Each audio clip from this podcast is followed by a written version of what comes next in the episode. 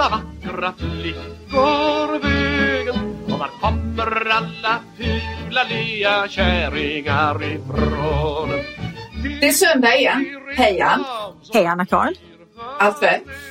Ja, Ja. det tycker jag att det är. Du är redo att... eh, Jag är dig redo nu? att eh, samla mig och tycka och tänka och jag är också väldigt redo att irritera mig. Ja, men vi kastar oss över detta på en gång. Vad, vad, Det tycker jag. Vad mer, om du går in på en av de saker du har irriterat dig allra mest på. Du känner mig ganska väl nu. Du förstår att jag har irriterat mig på många saker den gångna veckan. Välj en. Jag väljer en. Eh, vi sitter faktiskt den här gången och spelar in på en mycket trevlig svit på ett hotell i Göteborg. Och när vi eh, checkade in häromdagen så ställde då receptionisten en fråga som gjorde mig mycket irriterad. Vad? Hur dags vill du äta frukost imorgon? Den så kallade coronaanpassningen. Den så kallade coronaanpassningen. Jag, jag har bott på hotell en hel del sista tiden faktiskt. Och jag blir lika irriterad varje gång jag får den frågan. Därför jag vet inte. Jag checkade in en fredag eh, eftermiddag. Eh, planerade ganska mycket sjölevnad eh, fredag kväll. Och det är väldigt beroende på, vad ska man säga, liksom, vilken status man vaknar i när man vill äta frukost. Och det tycker jag det är i det närmaste fascistiskt att avkräva mig ett svar. Ja. Vill du äta klockan 7.15 eller 20. och så vidare. Liksom. Ja. Jag har ingen aning. Nej. Och det här samtalet har jag haft nu på, jag tror detta var det sjunde hotellet. Ja. Och jag tror så här, de kommer aldrig att släppa detta. Nej. Hotellen alltså. Detta förstör hotellvistelse för mig. Okej, om jag bor på ett hotell för att jag ska utföra ett arbete. Jag var i Stockholm i förra veckan och då var det för att jag skulle göra ett antal saker. Då hade jag ju tider att passa.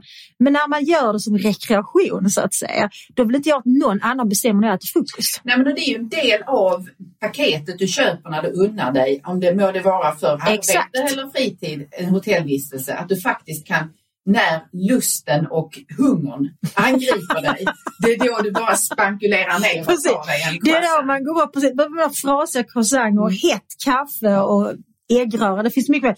Men det man inte vill är att någon annan jävel har bestämt att du ska komma 7.30. Då har du din slott. Det är då du ska njuta. Man kan inte njuta på beställning. Nej, och vet du vad en annan sak som kommer att kvarleva efter corona vad gäller Mm. hotellförsämringar, Mm. som ju detta är, det är det här att de inte städar som regel varje Man måste Ja. be om städning. Mm. Jag tycker det, det, det. Ja. har jag fått spe, eh, spel och spatt på när Ja. jag har bott under den här perioden. Jag tror inte de kommer skriva tillbaka det. Och det är, säger Ann och Anna-Karin, en försämring. En stor försämring. Mm. Vi vill inte ha det så här. Anna-Karin, vad har du irriterat dig på? Jo, jag har irriterat mig på föräldrar som eh, gör gällande att man inte kan begränsa eh, unga barns, små barns bruk av sociala medier. Mhm. Alltså, du menar små barn som sitter med sin padda eller med en telefon? och har Ja. tillgång till eh, alla de eh, plattformar som vi vuxna också viker en stor del av vårt Mm, liv och mm. tid åt, nämligen Instagram eller TikTok eller Facebook eller vad det nu är, Snapchat, WhatsApp, alla de här apparna. Detta är någonting som förstör otroligt mycket för framförallt unga flickor som lever sina sociala liv på de här plattformarna Ja. istället. Eh, och som, som jag menar är en faktor för att det skapar depression eller självförakt, självkritik på ett sätt som man kanske alltid drabbas av när man är ung, men det här liksom accelererar detta Mm. fenomen. Och när jag pratar med andra föräldrar om detta så he- heter det alltid att man kan ju inte stoppa det, man kan inte begränsa det. Och då säger jag, det kan man visst. Mm. Det är bara att säga att du får inte lov att vara där och i så fall beslagtag denna mobil om det är så att barnet eh, Vägrar. vägrar anpassa sig till detta. Snöa inte in dig på något snack om att det är väldigt viktigt att man hänger med eller Mm. att ungen blir ensam om man inte är på de här plattformarna. Det stämmer inte. Utan det, det är en av de bästa gärningar du kan göra din snart tonåring eller 9-10-åring eller hur gammal Mm, ungen nu är, är att hålla dem ifrån detta så länge det bara Ja. möjligt. Så sluta vara slapp Sluta vara slapp. Ja, sätt gränser. Ett liknande fenomen under när coronapandemin rasade som värst och vi levde med ganska så hårda restriktioner som bland annat innebar att eh, gymnasiestudier skulle bedrivas hemma. Mm. Så uppstod det detta fenomen att gymnasisterna som inte fick träffa varandra i skolan utan skulle sitta hemma i sitt sovrum eh, och ha lektioner, de träffades på stora fester. Min dotter gjorde icke detta därför att jag sa att hon inte fick. Och då var det väldigt mycket diskussioner i sociala medier och även i pressen. Så, men det går inte att stoppa dem. Jo, Det går att stoppa dem.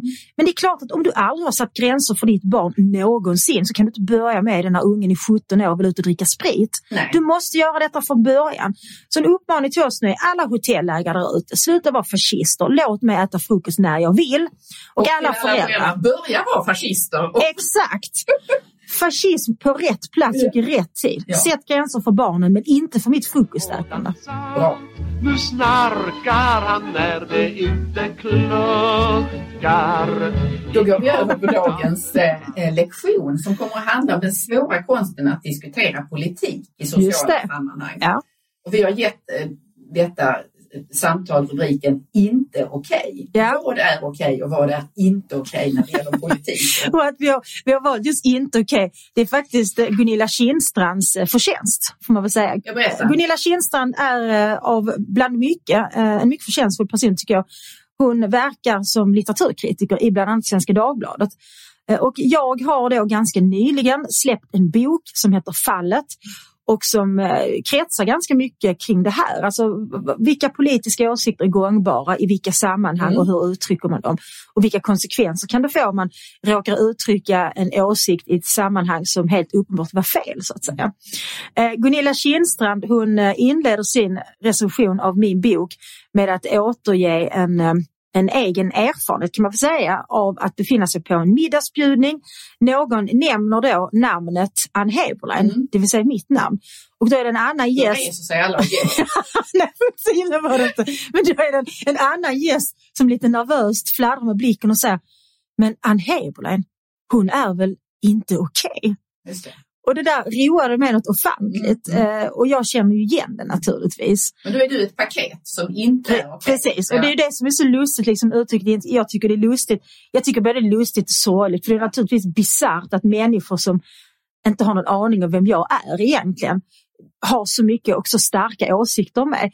Men det är ett bra uttryck det här inte okej för det speglar också att egentligen så litar inte den här individen på sig själv och sitt omdöme utan vill få bekräftelse från någon annan.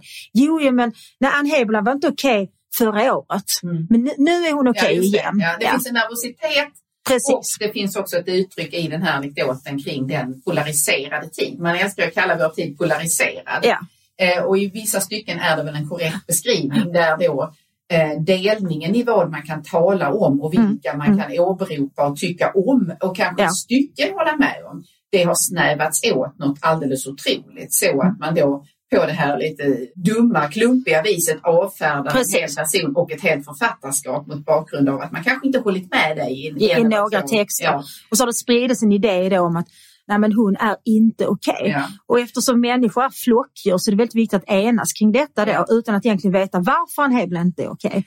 Nej, precis. Men det, det jag tänker på kring detta med att prata om politik Mm. i, i anslutning till det du säger där, det är att det är så mycket idag som, alltså när jag växte upp så uppfattade jag att man pratade ju om, om det mesta när det var bjudningar och liknande, men man var inte alltid helt så här klar över vad, vad folk röstade, alltså politiska positioneringen Mm. eller den politiska Det färgen. där är en väldigt intressant iakttagelse. Ja. Ja. Eh, Men medan det idag så är det så att säga en del av, man är ganska eh, Mm. uttalad, outspoken med var, Mm. var man har sina politiska preferenser och därtill färgar detta av sig också på andra delar i livet. Så att Mm. små saker som val av mat eller, eller hur du eh, inreder ditt hem eller vilka fritidsaktiviteter du har, vad du ägnar dig åt på din semester. Allt detta är uttryck för politiska val på ett annat Precis. vis än jag vill mena att det var för 20, 30, 40 år sedan. Alltså jag är helt enig med det här. Jag, jag, jag, eller jag kan ju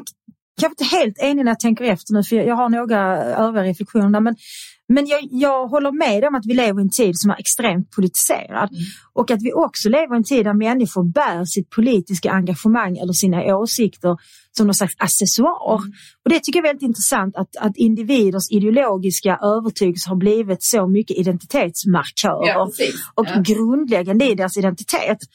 Jag delar mycket din uppfattning här att, att man inte var lika tydlig på det på, på kanske Man 70 flaggade 80 inte för det Nej, det gjorde man inte. Men samtidigt vill jag ändå säga, jag är uppväxt då i Svedala eh, och man får säga att vi tillhörde arbetarklassen. Vi skulle ju aldrig, mina föräldrar skulle aldrig få för sig att handla någon annanstans än på Konsum. Okay. Mm. Och vi hade Arbetet. Mm. Nere i Skåne då, där jag växte upp så var det Arbetet eller Sydsvenskan. Och Sydsvenskan var den borgerliga tidningen medan Arbetet var den socialdemokratiska. Ja, så det var en väldigt tydlig markör också. Mm. Och det här med Konsum och ICA det ter sig absurt nu. När jag flyttade hemifrån, jag flyttade till Kirseberg till en liten lägenhet där, då fanns det ett ICA väldigt nära. Och så fanns det ett Konsum som jag var tvungen att cykla till. Och de första veckorna så cyklade jag bort till Konsum för jag kunde inte förmå mig att gå in på ICA. Mm. Men sen vid något tillfälle när jag hade väldigt brått eh, och, och, behövde mjölk eller vad det var så tänkte jag liksom, jag kan ju faktiskt gå in på ICA. Ja. Det är väldigt nära. Ja. Men jag kände mig nästan som en förrädare när jag gick in på ICA. Ja. Mm. Därför det var liksom så förknippat med att det var kapitalister som handlade på ICA. Det gjorde inte vi, vi handlade på Konsum.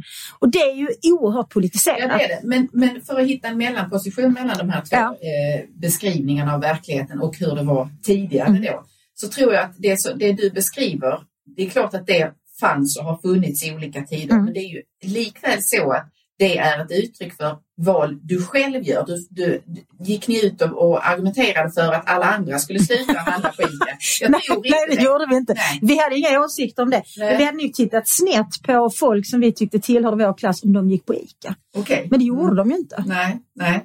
Nej, så där finns, eh, där får vi, då får vi säga att vi befinner oss, politisering, politiska ställningstaganden har alltid funnits och ja. påverkar det privata livet. Men det jag far efter är att man idag också kan, eh, man skäms inte för att göra politiskt tillrättavisande kommentarer Nej, när du är, är hemma hos någon annan mm. och påpeka val om du exempelvis serverar kött mm. eller om mm. du, som jag själv har varit med om, att en gäst hemma hos mig öppnade min avfallshantering i köket Oj. och eh, kommenterade att jag inte separerade mina avfall, mitt avfall och mina kökssopor i tillräcklig omfattning för att vara så att säga klimatsmart eller Ja, ja, ja. Och nu eh, kan man ju då tänka så här att en, en schysst gäst och en empatisk gäst mm. skulle också kunna tänka, det kan mycket väl vara så att Anna-Karin absolut, har en absolut korrekt uppdelning på avfallet men hon har inte hunnit det just idag när hon serverar en stor bjudning.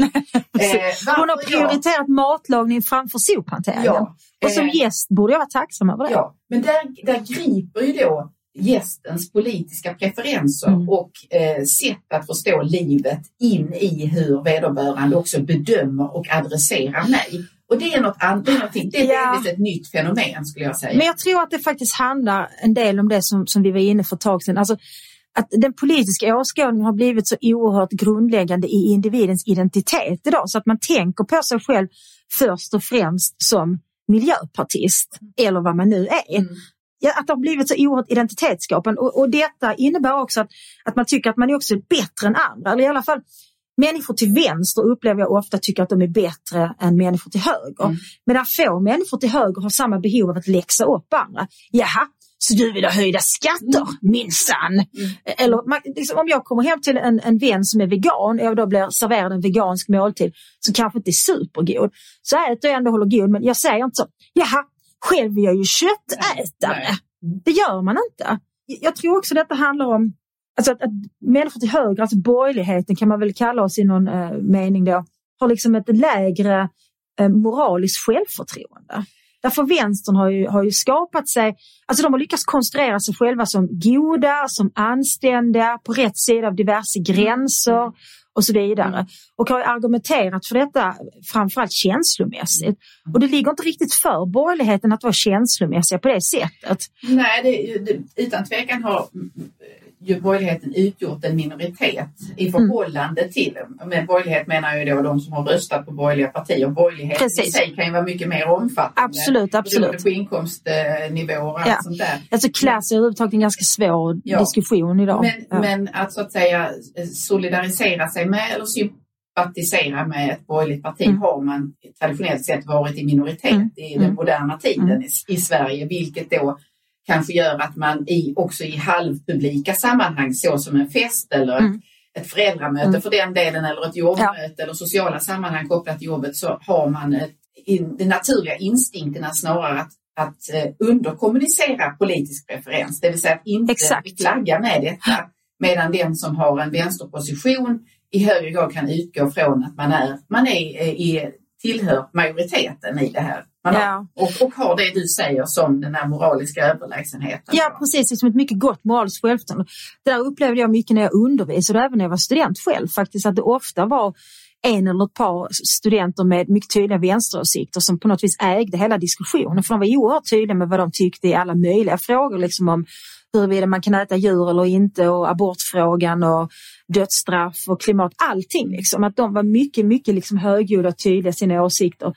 Vilket gjorde att, att det, blev, det fick en, en det la sig som en filt över alla andra, över all diskussion. Det blev aldrig riktigt diskussioner för det var så tydligt att det här är den godkända Ja, åsikten. Precis. Där jag som, som lärare och ansvarig för samtalsklimatet i eh, seminariet försökte vara neutral och försökte släppa fram andra åsikter. Men det var väldigt svårt. Ja. Jag vet inte om du har liknande erfarenheter? Jo, och det, det kan jag säga jag tror dessutom att det spelar roll i fråga om vilka vi ser, vilka grupper vi ser som söker sig till vissa utbildningar Mm. där den här dominanta och delvis självrättfärdiga uppfattningen om Mm. att man har, då, man har rätt och att den vänsterposition man intagit och de förklaringsmodeller som följer med den, man är så övertygad om att detta är rätt och ger uttryck för att det är sanningen. Så Mm.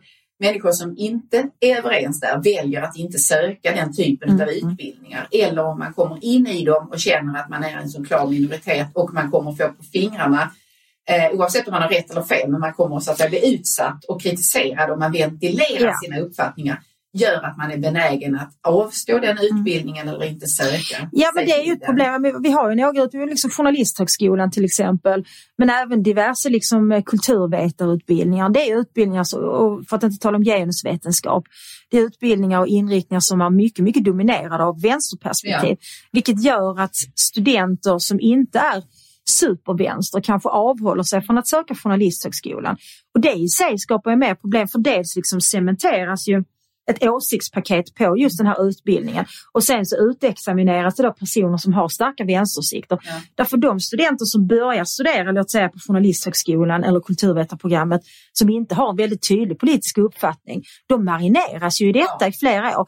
Därför min rätt så trista erfarenhet är faktiskt att lärare med vänsteråsikter har väldigt svårt att se att deras åsikter är just åsikter. De ser inte sig som Nej, politiska. sanning. De ser sig som mänskliga, Ja. för det här är den mänskliga åsikten. Det tyckte jag var så intressant när jag, eh, när jag kandiderade till Moderaterna, jag kandiderade ju för riksdagen, eller till riksdagen då för Moderaterna 2018, då undervisade jag fortfarande på Lunds universitet. Och då var jag väldigt noga med att liksom vara enormt neutral och också säga det inför varje ny klass, att ni har kanske läst och sådär, men detta liksom är ingenting som, som på något sätt påverkar min uppfattning av er och era åsikter, för jag bedömer inte era åsikter, jag Nej. bedömer hur väl ni kan argumentera för dem. Därför jag undervisade ju i etik och i etik så är det ju många brännande ämnen som diskuteras som till exempel abortfrågan, synen på äktenskap och sexualitet, eh, synen på straff, vad det ska vara bra för, synen på ont och gott och så vidare. Men det intressanta är ju inte studentens slutsats eller åsikt utan det är ju huruvida han eller hon med hjälp av de principer, teorier och så vidare som vi har använt i undervisningen klarar av att argumentera för sin slutsats. Så det var viktigt för mig att klargöra. Men jag upplevde att mina kollegor som hade mycket starka vänsteråsikter, de hade aldrig reflekterat över att detta skulle vara ett problem för, för deras studenter. Nej, Utan de var de var, tillhörde normaliteten, de var normen på något Nej, vis kan man det, väl jag håller säga. med om det, att det är, just, det är just detta att man inte ser, man har svårigheter att se det politiska i sig själv. Det, Ja. kanske, det kanske vi alla har mer eller mindre, men, men min erfarenhet är nog också i överensstämmelse med din att man eh, den här att trycka upp, eh, att utan skam trycka upp Mm. sin egen politiska övertygelse och rättfärdighet i facet på studenter Mm. eller kollegor är mer frekvent hos eh, vänstersidan än Mm. hos den andra sidan. Jag, när jag fanns på Nationella sekretariatet för genusforskning så fanns Mm. det en nidbild där på Jan Björklund uppsatt på en vägg i ett av På en arbetsrummen. arbetsplats. Alltså. Ja. Ja. vilket inte kunde tolkas som något annat än att honom hatar vi. Ja. Eh, när Margot Wallström, dåvarande utrikesminister, gjorde utspel på ett eller annat sätt så eh, var detta någonting som alltid genererade hjärt-emojis i vår gemensamma Skype-tråd. Och henne talade man alltid varmt om. Hon var en hjältinna. Eh, Så Margot Wallström, hon var en hjältinna på sekretariat, vad heter det, nationella sekretariatet? För genusforskning. Ja, precis. Jo, hon har varit en god syster här i sista, sista veckorna. Yes. i Camilla Läckbergs Ja, Camilla Läckberg. Har ni inte sett den filmen som vi har gjort så gör det. Ja, precis. Ja. Men det, när jag fanns på pedagogiska institutionen så var, jag hade kollegor uppe bilder av Fidel Castro på väggen och liknande. Alltså det är mycket tydliga politiska markeringar Ja, som ja. också där menar jag är ganska extrema. Ja, det får man säga. Men- Fidel Castro är Och, inte helt och jag lättsmält. kan säga att om jag nu, nu hade jag, hade jag ingen avsikt att göra det eller vilja heller, men om jag hade smackat upp en, ett idolporträtt av Margaret Thatcher Ja. så hade detta inte sett som någonting som bara passerade. Utan då hade det blivit en politisk markering. Medan. Fidel Castro inte var Nej, Fidel Castro betraktas som en livsstilsmarkör. Mm, mm. Och det tycker jag är så intressant att politik har blivit livsstilsmarkörer Ja. på det här sättet.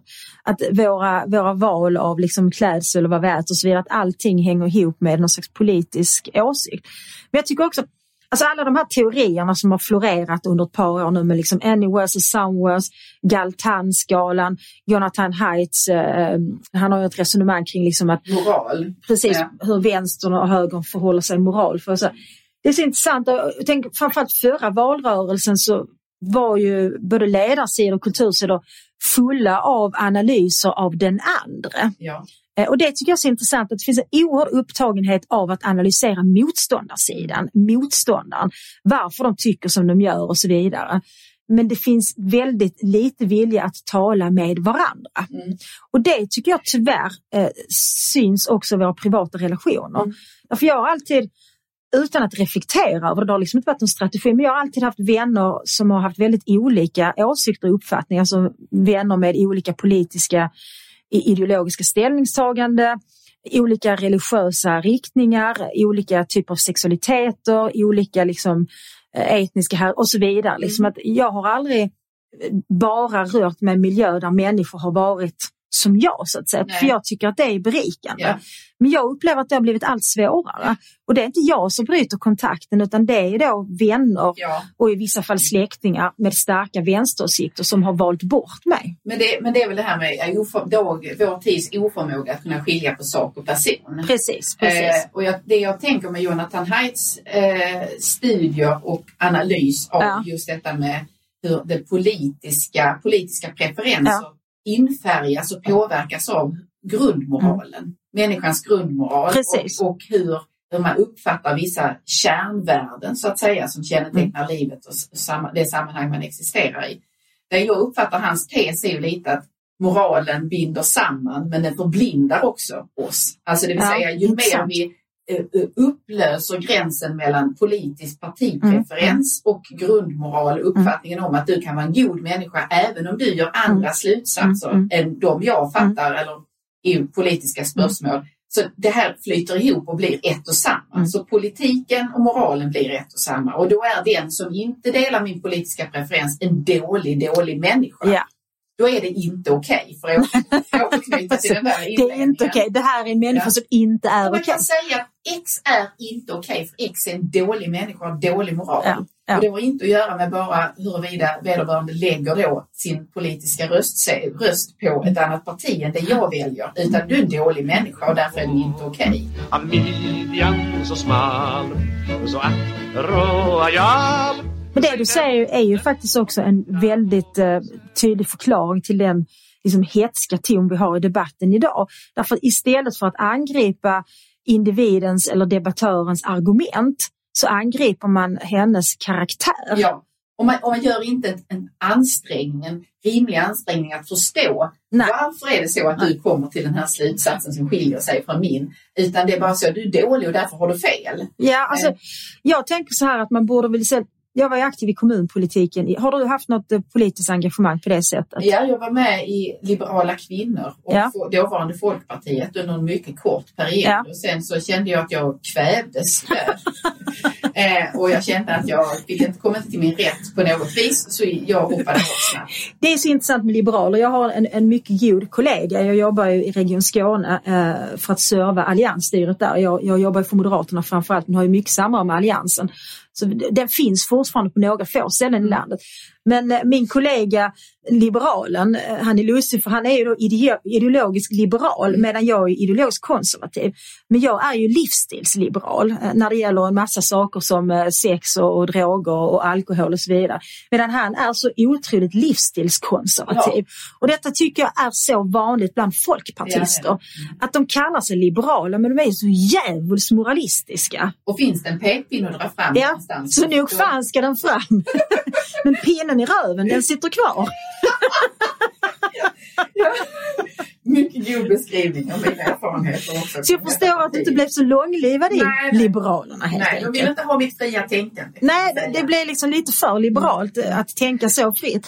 Men vad jag skulle komma till var att under min korta session, för du hade inga politiska uppdrag då? eller? Jag ingick i en jämställdhetsgrupp Ja, okej, eh, ja. i vilken man snabbt ville med en pekpinne säga exakt hur många föräldradagar pappan skulle ta respektive mamma. Men gud, vad är det med Liberalerna? De har ju, kör ju fram ett sånt förslag nu igen, att Ja. de ska ju vika fler dagar i föräldraförsäkring till Ja, det är mannen. millimeterrättvisa som är från ovanifrån bestämd. Det känns väldigt, eh, heter det, illiberalt. illiberalt, det heter inte oliberalt. Men nu ska jag återvända till mina erfarenheter från kommunpolitiken i Lund, där jag satt i kommunfullmäktige för Moderaterna. Det som jag tyckte var intressant att uppleva det var att det kunde vara ganska hetska debatter från talarstolen. Men när vi hade våra små pauser och det var ju väldigt, alltså vi var ju i Lund så att folk kan ju inte vara kortfattade för det var akademiker allihopa från Du Vänsterpartiet till att du Sverigedemokraterna. förstår, men Ja. vänta ett tag ska jag förklara det för dig. Ja precis, precis. Och alla var likadana för det är mycket hög utbildningsnivå på alla ledamöter där skulle jag vilja säga.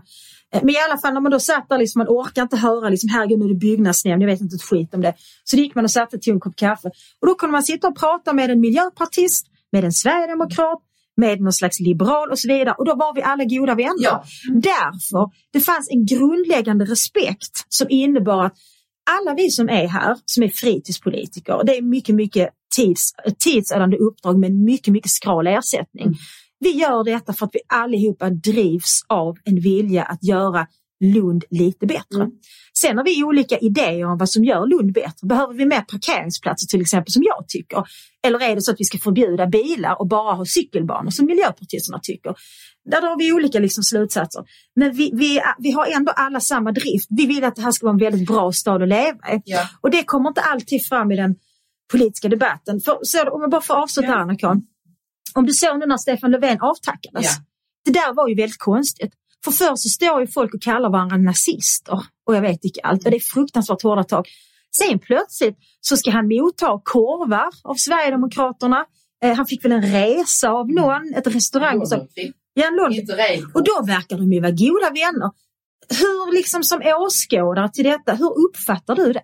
Alltså, min uppfattning är att det inte i sig är den utvecklingen som är det märkliga, därför den ligger i linje med det du beskrev Ja. just i Lund.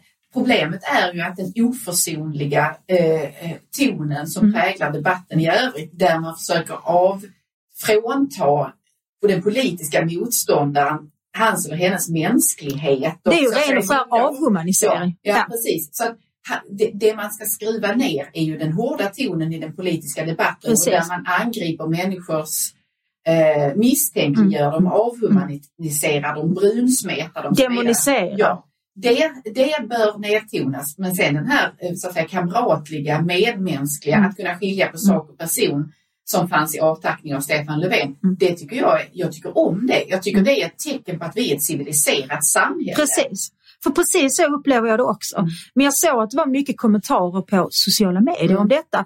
Där det var Du är många över som... 12 så du får ju vara på sociala medier. Hur många timmar om dagen vill du ge mig? Det är ju inte obegränsat bara för att jag är över 50. Nej, eh, Lite gränser får man ändå sätta 90 tycker jag. Ja. Jag tänker efter när vi har stängt ner här så kan vi ha en diskussion eh, och så kan du ge mig så många timmar. Du ska jag portionera ut över veckan så att det inte blir för mycket. Så jag kan sköta mitt jobb. Nej, men jag, jag såg på sociala medier då att, att många reagerade starkt på detta och tyckte att det blev så tydligt att allting bara är ett skådespel. Ja. Därför om de egentligen, alltså om Stefan Löfven verkligen, verkligen hade trott att Jimmy Åkesson var någon slags kryptonazist, skulle han tagit emot den jävla korven då? Alltså är det okej att äta en korv som du har fått av en nazist, Ja. var det någon uttryckte det Ja. Och jag kan förstå det, om man inte har den erfarenheten av politik som du och jag har och framförallt har vi ju erfarenhet av att debattera. Ja. Vi har båda två stått i tv-studio och i radiostudio och så. eh, och haft ganska liksom animerade eh, debatter med folk. Men vi vet ju att innan och efter debatten, de allra flesta, inte alla ska jag säga, det de finns några fruktansvärda eh, undantag eh, som är väldigt oförskämda alltid. Men de flesta är faktiskt väldigt trevliga både före och efter. Är man med i det här, liksom, något av alla de debattprogram som har sänts för Göteborg i decennier, för en gångs skull är det ett nytt format nu utan Belinda Olsson. Ja, Men då det- bor man på samma hotell så då sitter man ju ofta och dricker vin Ja, efter. och Och det, är, det är en del av det civiliserade samhället. Precis, jag. Men precis. jag tror att man kan härleda det här som vi ger uttryck för nu, alltså det vill säga när man har en oförsonlig attityd Mm. mot den politiska motståndaren. För att återkomma till Jonathan Haidt så brukar han eh, anföra Newt Gingrich som Mm. var republikansk talman och politiker. Han försökte Mm. också kandidera till presidentposten eller presidentkandidat Ja, under en period. Hans storhetstid var, som talman var under 90-talet Mm. om jag förstår det rätt.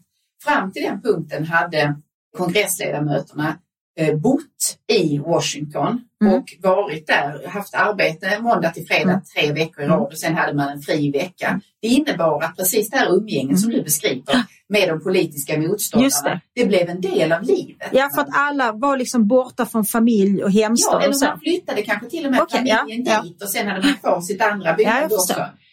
Han vill då, eller av något skäl så vill han få stopp på det här, den sociala interaktionen med de politiska Mm. motståndarna. Så att eh, arbetsveckan läggs om så att man åker bara till Washington tisdag, torsdag eller måndag, torsdag. Ja. Och hans uppmaning till kongressledamöterna är bosätt er inte här. Håll kvar ert liv i era olika Mm. distrikt och så vidare. Och Heids kan då i sin forskning visa att det här sammanfaller med att man börjar demonisera sin politiska motståndare på Mm. ett helt annat Mm. sätt än man gjort tidigare. För då hade man också den här, man, som du sa, vi arbetar för ett bättre Lund, vi arbetar för ett bättre, ett bättre Ja, Göteborg. ja. Att man i alla fall eh, ger sin motståndare goda avsikter i grunden. Precis, Men precis. du har kommit till fel slutsats eller du väljer Ja. fel metoder. Men jag vet också att du vill landet väl. Mm. Och det har vi tappat i Sverige, precis som vi ser i den amerikanska politiska debatten. Att du är inte bara min politiska motståndare, du är ond och du vill det här landet Mm. eh, illa. Så är det. Och det, det tror jag är väldigt destruktivt. Ibland så ser jag i kommentarsfält och så människor som inte är jätteinsatta på politik som säger så, men varför kan inte alla bara samarbeta? Och då kan man ju fråga sig, alltså, behöver vi olika politiska ideologier? Vad skulle du svara på det? Alltså, men jag tror det, det ligger väl i grunden, det är apropå det där med kopplingen mellan politik Ja. och moral. Att Ja. vi, har, vi ser olika på människan, vilka drivkrafter Mm. människan har och om vi har gott i oss eller gott Precis. och ont i oss. Va? Eh, men de politiska ideologierna är ju föränderliga Mm. och precis som du sa med somewheres och anywheres, Ja. allt det där. Vi behöver ju nya begrepp för att etikettera oss idag. Ja. Sen tror jag att en aspekt också är ju att så många idag har tappat sin alltså religion. Man ser inte kyrkan som en form av tillhörighet, Nej. eh, vilket gör att politiken blir all tillhörighet man har istället. Jo men det är sant för att religion, man kan ju förstå religion på olika sätt. Det finns funktionella och sub- substantiella religionsdefinitioner. Men religionen, alltså för att någonting ska vara en, en religion så krävs det att det finns så att säga en förklarande aspekt, men även en normerande. Men en förklarande så menar att det ger svar på vad är meningen med livet, hur ska jag handla, vad är en god människa och så vidare. Eh, och sen så finns det också ofta i religioner ritualer naturligtvis. Eh, man tar nattvarden, man ber och så vidare. Och allt det där ser jag att många människor har flyttat över till sin politiska övertygelse idag. Att politiken ger både den här viktiga aspekten som religionen också gör naturligtvis med identiteten. Jag är kristen, jag är moderat eller vad man nu är. Och det ger också en förklaring på alla frågor. Vad är rätt handling? Eh, vad är ett gott samhälle? Vad är en god människa? Eh, och det, det blir också allt fler ritualer i det politiska sammanhanget tänker jag med Ja, men vi har ju redan avhandlat knytblusmanifestationer till exempel och det är handhjärtan och det är Sociala medier hashtags i blir sociala medier. Precis, sociala medier blir en kyrka på det sättet. Fördummande kyrka. exakt, Mm. men det är där man utför sina, sina politiska ritualer, det är där man manifesterar gemenskap. Därför det är ju faktiskt en av religionens allra viktigaste uppgifter eller funktioner, att den också erbjuder en gemenskap. Och det gör ju politiken idag. Eller, ja, alltså, jag upplevde aldrig att, att politiken gav mig den gemenskap jag sökte efter eftersom jag tyckte precis som du, nu jobbar jag ju för Moderaterna i Region Skåne och trivs bra med det, jag har fantastiska kollegor där. Men i partiet i stort så har jag känt mig väldigt kvävd jag har inte känt att jag har fått plats fullt ut som den jag är. Nej. Och det är såklart en del av politiken också, att man måste delvis underkasta sig kollektivet om man vill ingå i en ideologi och så är det med religion också. Men, men det som du säger och Jonathan Haidt säger och den här liksom idén om en och tillsammans, det bottnar ju naturligtvis i att olika människor har ju olika moraliska attityder. Alltså ja. vi värderar ju saker på olika sätt och i grunden finns ju en människosyn. Mm. Och det ger ju väldigt olika utslag om man tror att människan är autonom och självständig, kan fatta egna beslut och liksom genom sina val blir en individ. Eller om man tror att människan bara är någon slags konstruktion ja. som är en produkt av kanske socioekonomiska sammanhang och så vidare. Mm. Då ser man ju människan i mycket högre grad som ett offer. Mm. Och där har vi ju hela vänsterideologin, ja. att människan är ett offer, hon måste tas om hand. Och ja, det, ja, ja. Skillnader mellan människor alltid är effekten av orättvisor. Precis. Det är det liksom, än val eller preferenser. Sociala ingenjörskonstens ja. Eh, USP på något vis. Va? Men, men det jag tänker är att vi ser parallellt så undersökningar som inte bara i fråga om den här enorma polariseringen mm. i den mm. amerikanska politiken utan detsamma sker ju här och nyligen kom det någon undersökning som sa att det är osannolikt, mer mm. osannolikt idag att du om du har om du är moderat så gifter du dig inte med en miljöpartist Nej. eller att du inte räknar de här, du har inte en, liksom en bredd bland dina vänner och i dina mm. kontakter utan bubblan eller vad vi ska kalla det blir tät, mer och mer tätslutande kring dig i fråga om var du söker dina nyheter, vilka ja. du umgås med och hur du väljer dina mm. partners mm. till och med. Och jag tror du, både du och jag är av uppfattningen att, att ha, de här, ha den här bredden, mm. att kunna prata med människor som mm. inte delar ens grundövertygelser eller grundsyn är någonting som hjälper en och det skärper en. Jag ja. blir ju bättre på att argumentera ja, ja, och tala med någon som tycker annorlunda än vad jag gör. Så är det. Eh, vilket ju nästan kokar ner till ett, en, en plädering för att man ska tala politik när man har middag. Ja, men precis. Men det kan ju också vara så, för det du beskriver är väldigt tydligt tycker jag.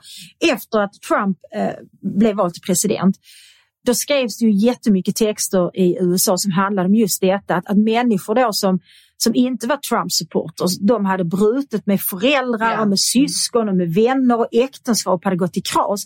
Därför den ena parten hade då valt att lägga sin röst på Donald Trump och förloraren så att säga, den som var mycket stark motståndare till Donald Trump och hans politik, klarar inte av att upprätthålla en relation. Nej. Så risken är att vi nu sitter på middagsbjudningar där alla är miljöpartister. Mm. Ja, du och jag kommer aldrig bli inbjudna till sammanhang med bara miljöpartister. det hade varit en riktigt partypooper tror jag. men men det, det, är ju berikande med ja. olika, så länge vi kan vara respektfulla med varandra. För det är inte berikande om någon jävel sitter och säger att jag är ond. Då blir Nej. jag på väldigt dåligt Nej. humör. Men, men, i detta ligger ju också att eh, jag tror att det kan finnas en, å ena sidan eh, Alltså att man i, i sammanhang där man faktiskt ska hålla sig ifrån att göra politiska ja. markeringar där blir det, har det genom hela eh, Trump-eran och vad den mm. gjorde med det offentliga samtalet om politik och de här ledartexterna som vi refererade till tidigare har gjort att det, under den perioden var det helt okej okay att eh, i undervisningssammanhang eller i mm. grundskola till och med att då visa inlägg, klipp eh, som gick ut på att Donald Trump var galen i huvudet ja, ja, och att precis, alla som precis. röstade på honom också var galna i huvudet. Mm. Mm. Och för mig är det, det har inte att göra med vad jag tycker om honom eller om, om jag delar uppfattningen att han var en dålig, en dålig president. En dålig ledare, ja. Man går över en gräns mm. när man gör någonting, när man använder sitt ämbete mm. och sin roll till att bedriva politisk propaganda på det sättet. För det menar jag att det är. Absolut.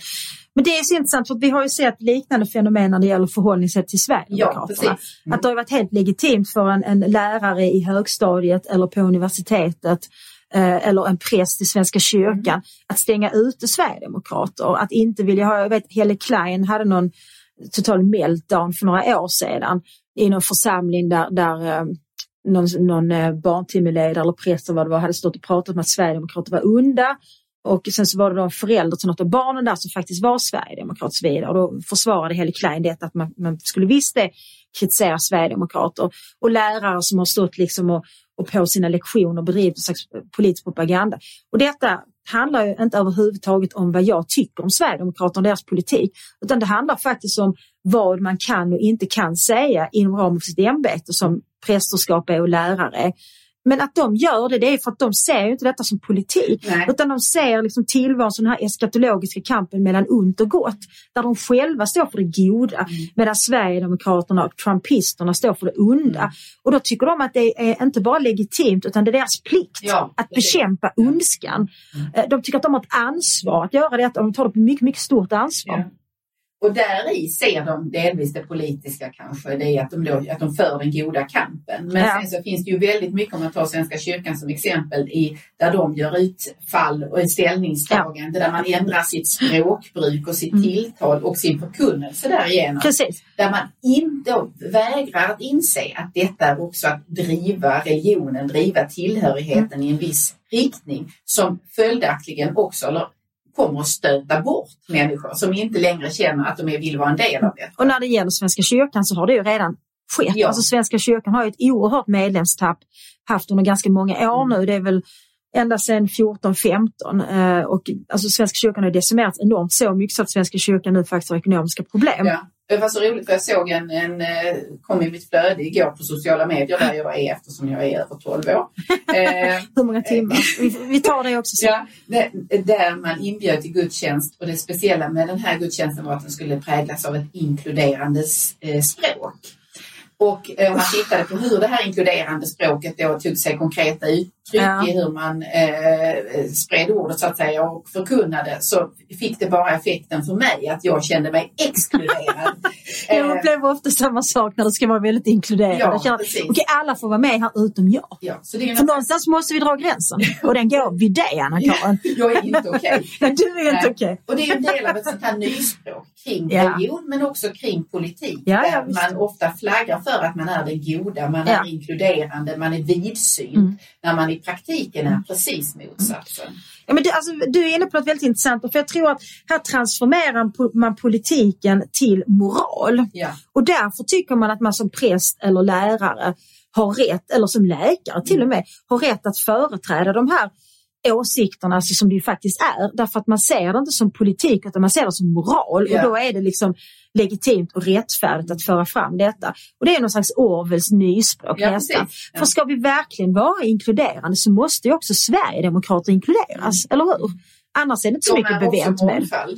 De, De är, de precis, precis. Men när vi talar om mångfald så tänker vi aldrig Sverigedemokrater Nej. utan då tänker vi muslimer. Mm. Mm. Typ. Mm. Du förstår vad jag menar. Jag förstår. En madam med skunk bak och fram. Och jag tänker att vi ska avrunda i en uppmaning till Ja. alla våra lyssnare att tala politik och att Ja. inte vara, vara rädd för att göra det men, men eh, låta sig besjälas av en övertygelse om att också den som är din politiska motståndare är en god, kan, vara, kan ha goda avsikter Precis. Och drivas av en övertygelse om att man gör det som är det bästa för Sverige och det Mm. bästa för det samhälle man lever i. Så prata politik men gör det med respekt och håll stilen Mm. i det samtalet. Absolut. Håll stilen och att hålla stilen i det sammanhanget det handlar också om att inte ta till moraliska brösttoner, inte hävda att jag är mer anständig än du, inte liksom hemfalla åt alldeles för, för liksom många överspända känslomässiga uttryck och argument